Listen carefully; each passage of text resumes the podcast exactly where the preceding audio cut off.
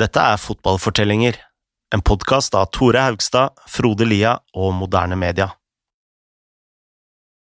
I mai 1986 reiser det argentinske landslaget til Mexico for å delta i et VM som ingen tror de kommer til å vinne.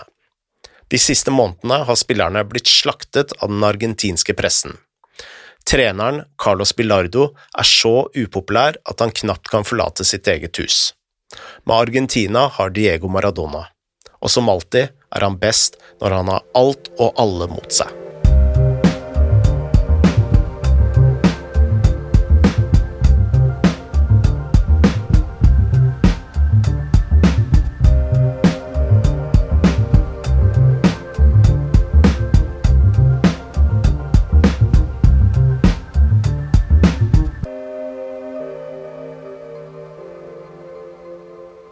For å forstå Maradonas rolle på landslaget i 1986 må vi spole litt tilbake. Vi husker at han eh, fikk eh, hepatitt da han var i Barcelona sent i 1982. De neste månedene søkte han eh, tilflukt på Costa Brava-kysten utenfor byen for å lade batteriene. En dag kom Argentinas nye landslagssjef ruslende mot ham langs stranden. Noen måneder tidligere hadde Cæsar Luis Minotti blitt erstatta med Carlos Bilardo. Og Bilardo sto for alt det Minotti hadde vært imot. Sent på 60-tallet hadde han spilt for Estudiantes, et upopulært lag som hadde vunnet titler ved å være defensive, kyniske og voldelige. Da Bilardo la opp som spiller, begynte han som trener, mens han jobba som gynekolog og hjalp faren med å drive en møbelbutikk. Den dag i dag står Bilardo og Menotti for to ulike skoler i Argentina. Menotti ville ha artistisk angrepsfotball, ofte kalt romantisk fotball, mens eh, Bilardo ville vinne til enhver pris og var spesielt eh, besatt av videoanalyse og dødballer. Mange kaller han eh, en kyniker. Bilardo sa at om du ønsket underholdning, kunne du heller dra på kino eller teater. Nå var altså Bilardo sjefen, Uten invitasjon hadde han besøkt Maradona, og de neste timene jogga de to langs stranda mens Bilardo forklarte sine planer. Mot slutten sa Bilardo at han ville ha Maradona som kaptein. Da begynte Maradona å gråte. Maradona hadde allerede fantasert om kapteinsrollen, og hevdet eh, senere å ha hatt en skuff hjemme med 200 kapteinspinn. Men eh, da Bilardo senere fortalte pressen at eh, Maradona var lagets nye kaptein, fikk de sjokk. Ja, for landslagets leder var jo Daniel Passarella, som hadde vært kaptein siden triumfen i 1978. Nå la Bilardo ansvaret på Maradona, som fortsatt kun var 22 år. Bilardo la til at kun Maradona var garantert fast plass på laget. La oss høre fra Martin Masur om reaksjonen i Argentina til denne avgjørelsen.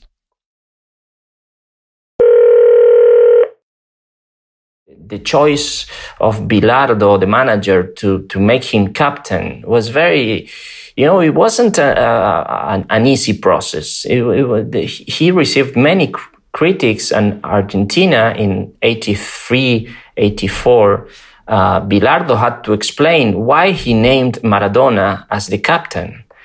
So now, you, when you say Maradona, it's like the natural thing is to to remember, yeah, Maradona, the best player in the world, and so on. But um, it it wasn't that easy uh, on a national level and also on the international level because um, Maradona was.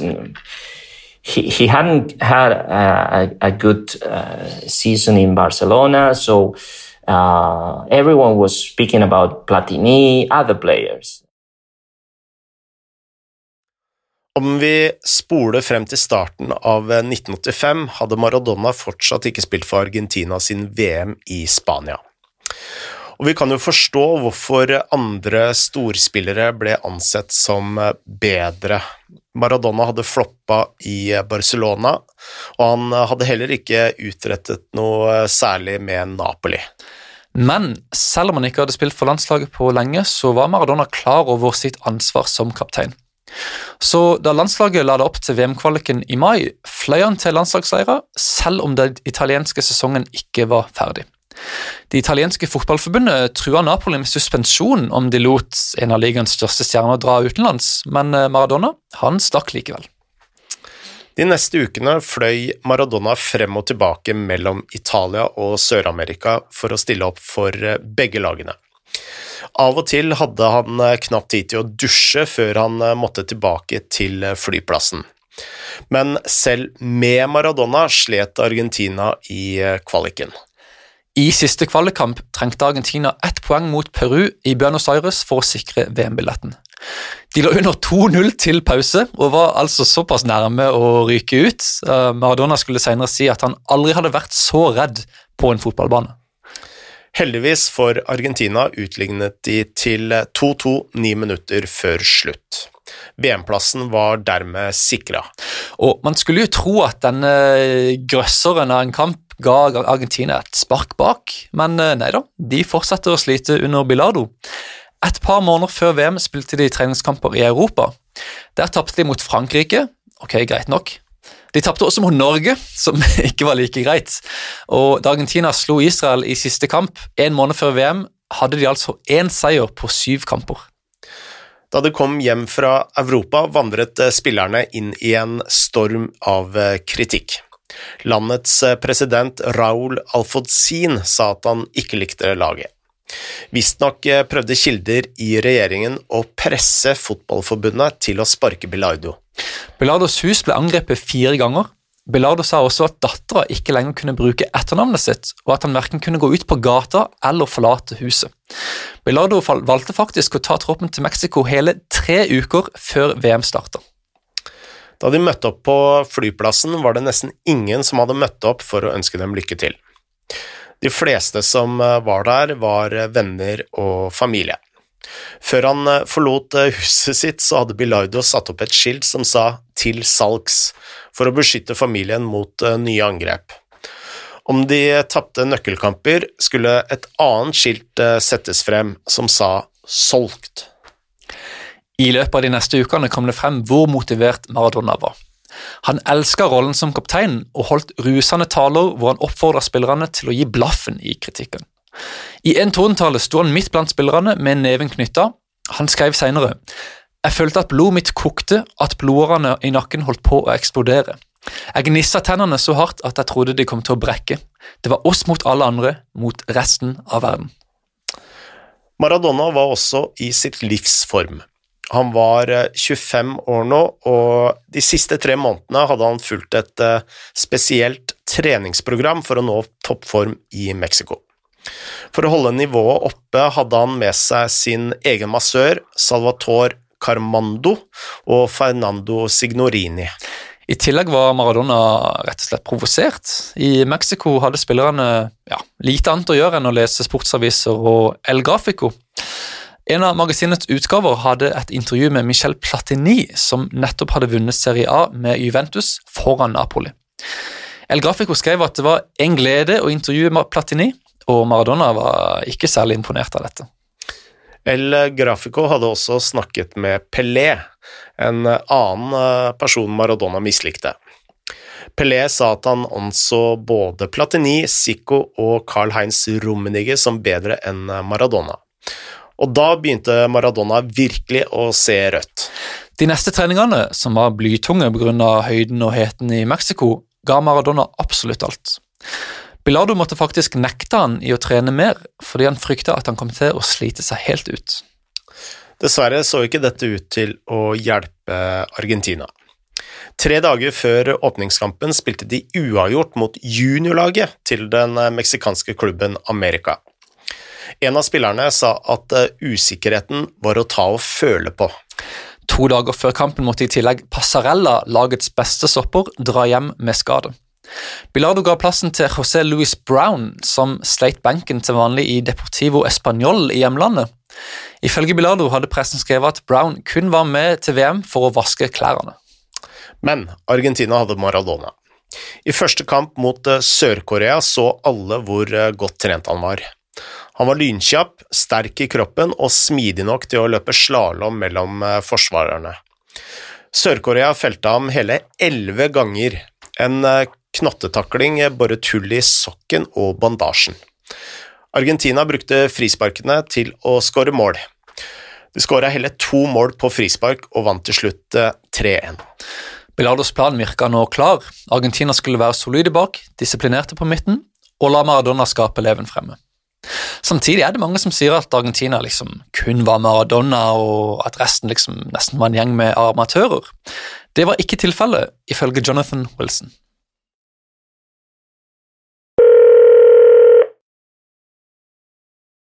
There's this idea it's it's um, Maradona plus yeah ten dummies.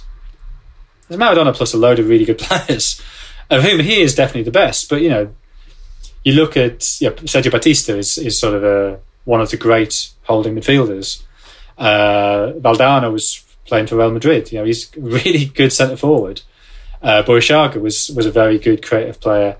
Um, yeah, solid centre backs in in, um, in Brown and um, Ruggieri and Justia and Latakachea, the other two wing backs. They've got in a, a great, uh, you're a great coach. Om Argentina var et sterkt kollektiv, så var det også sant at Maradona hadde en, en litt spesiell status i laget.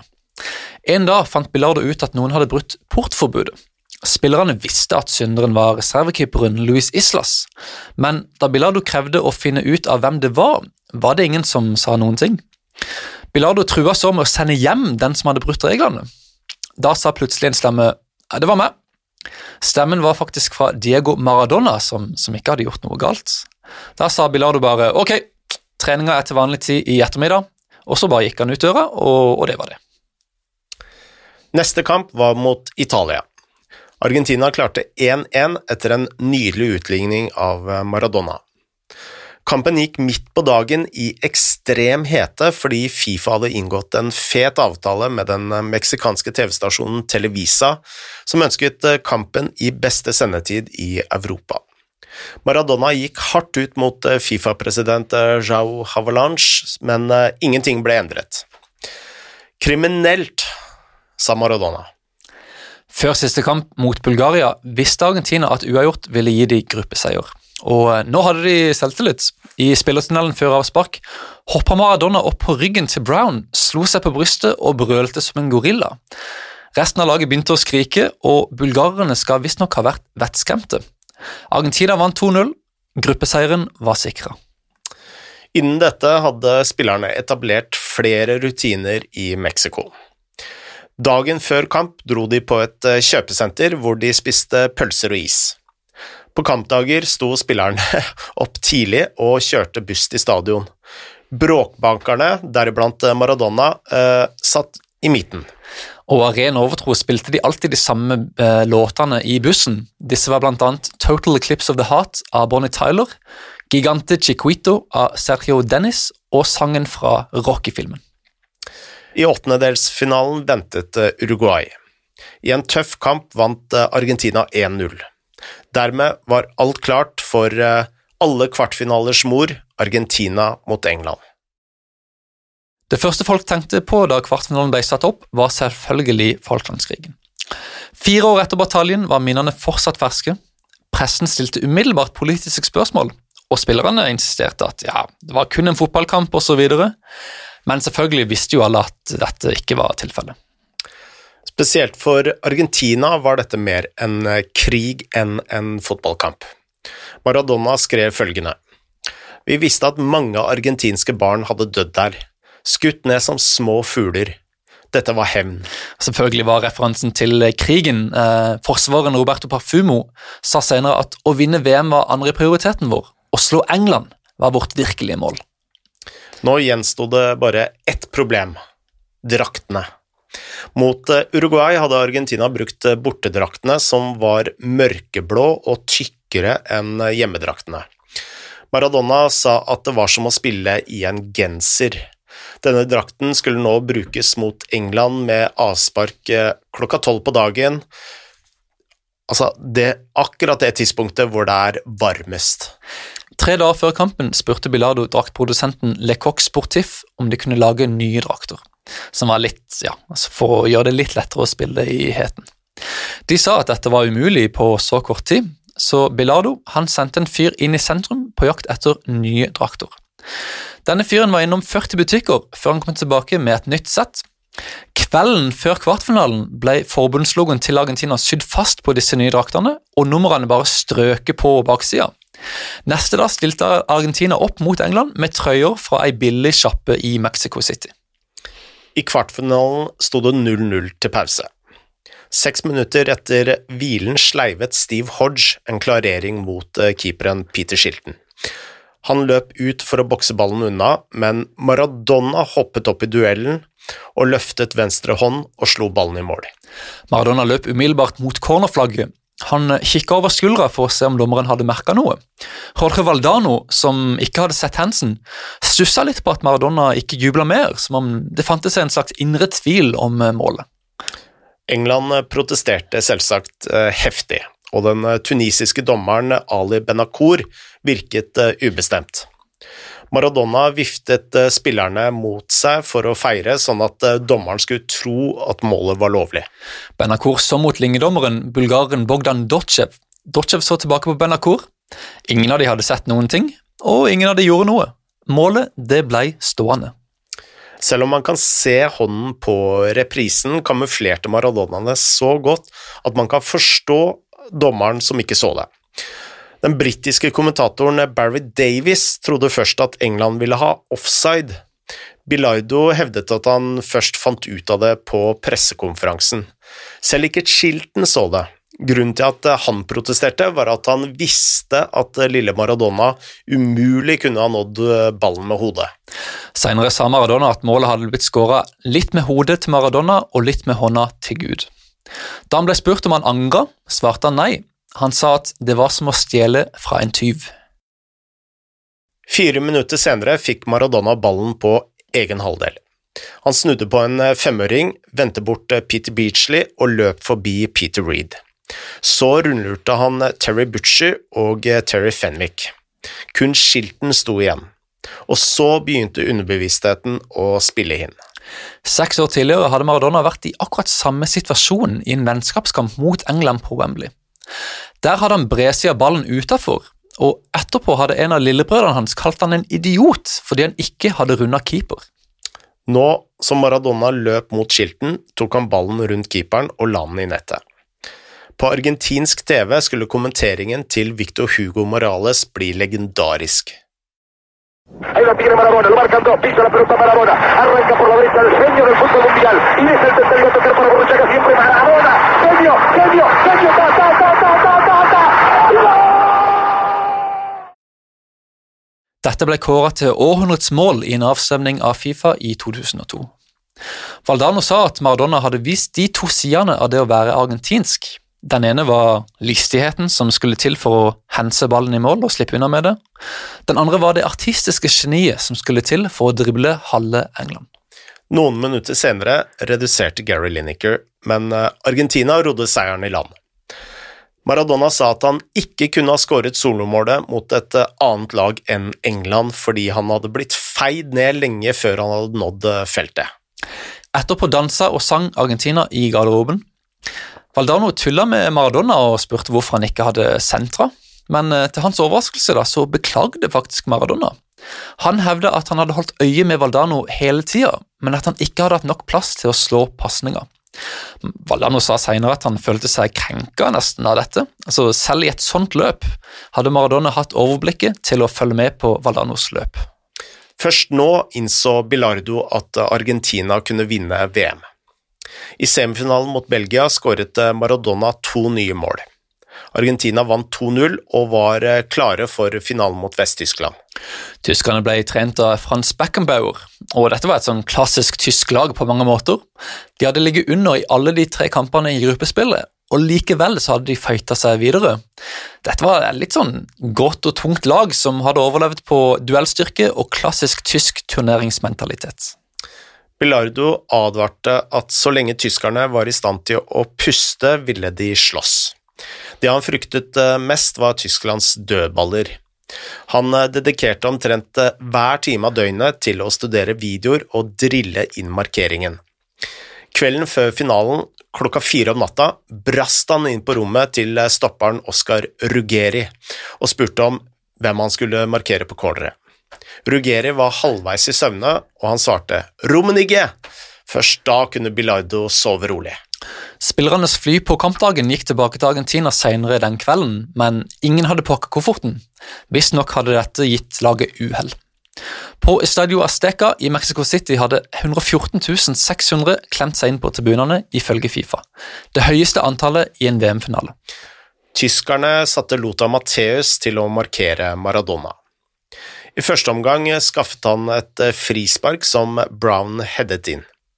Etter pause skåret Valdano alene med keeper. På stillingen 2-0 anså Valdano kampen som vunnet. Men tyskerne ga seg ikke. Med 16 minutter igjen reduserte Rummenegge fra en corner. Syv minutter senere utligna Rudi Føller igjen fra en corner. På silinga sparka Bilardo til en vannbøtte i rein sinne. Det var jo akkurat dette han hadde prøvd å unngå. Men tre minutter senere fikk Maradona en pasning, omringet av to tyskere. I et hundredels sekund sendte han ballen gjennom til Jorge Borushaga, som pirket ballen forbi keeper. Han løp til sidelinjen med hendene over ansiktet. Argentina ledet 3-2. Seks minutter senere gikk sluttsignalet. Publikum storma banen, flere argentinere brast sammen i gråt. Maradona hoppa opp på skuldra til en fan og heva det berømte VM-trofeet. Da spillerne kom tilbake til leiren sin, tok de en æresrunde rundt banen alene. Et par samlet seg på Maradonas rom og styrta en flaske whisky. Da mørket falt på, dro flyet tilbake til Buenos Aires. Spillerne sang, drakk whisky og sendte trofeet seg imellom. Maradona hadde vist en hel verden hva han kunne levere. Nå snakket ingen om Michel Platini.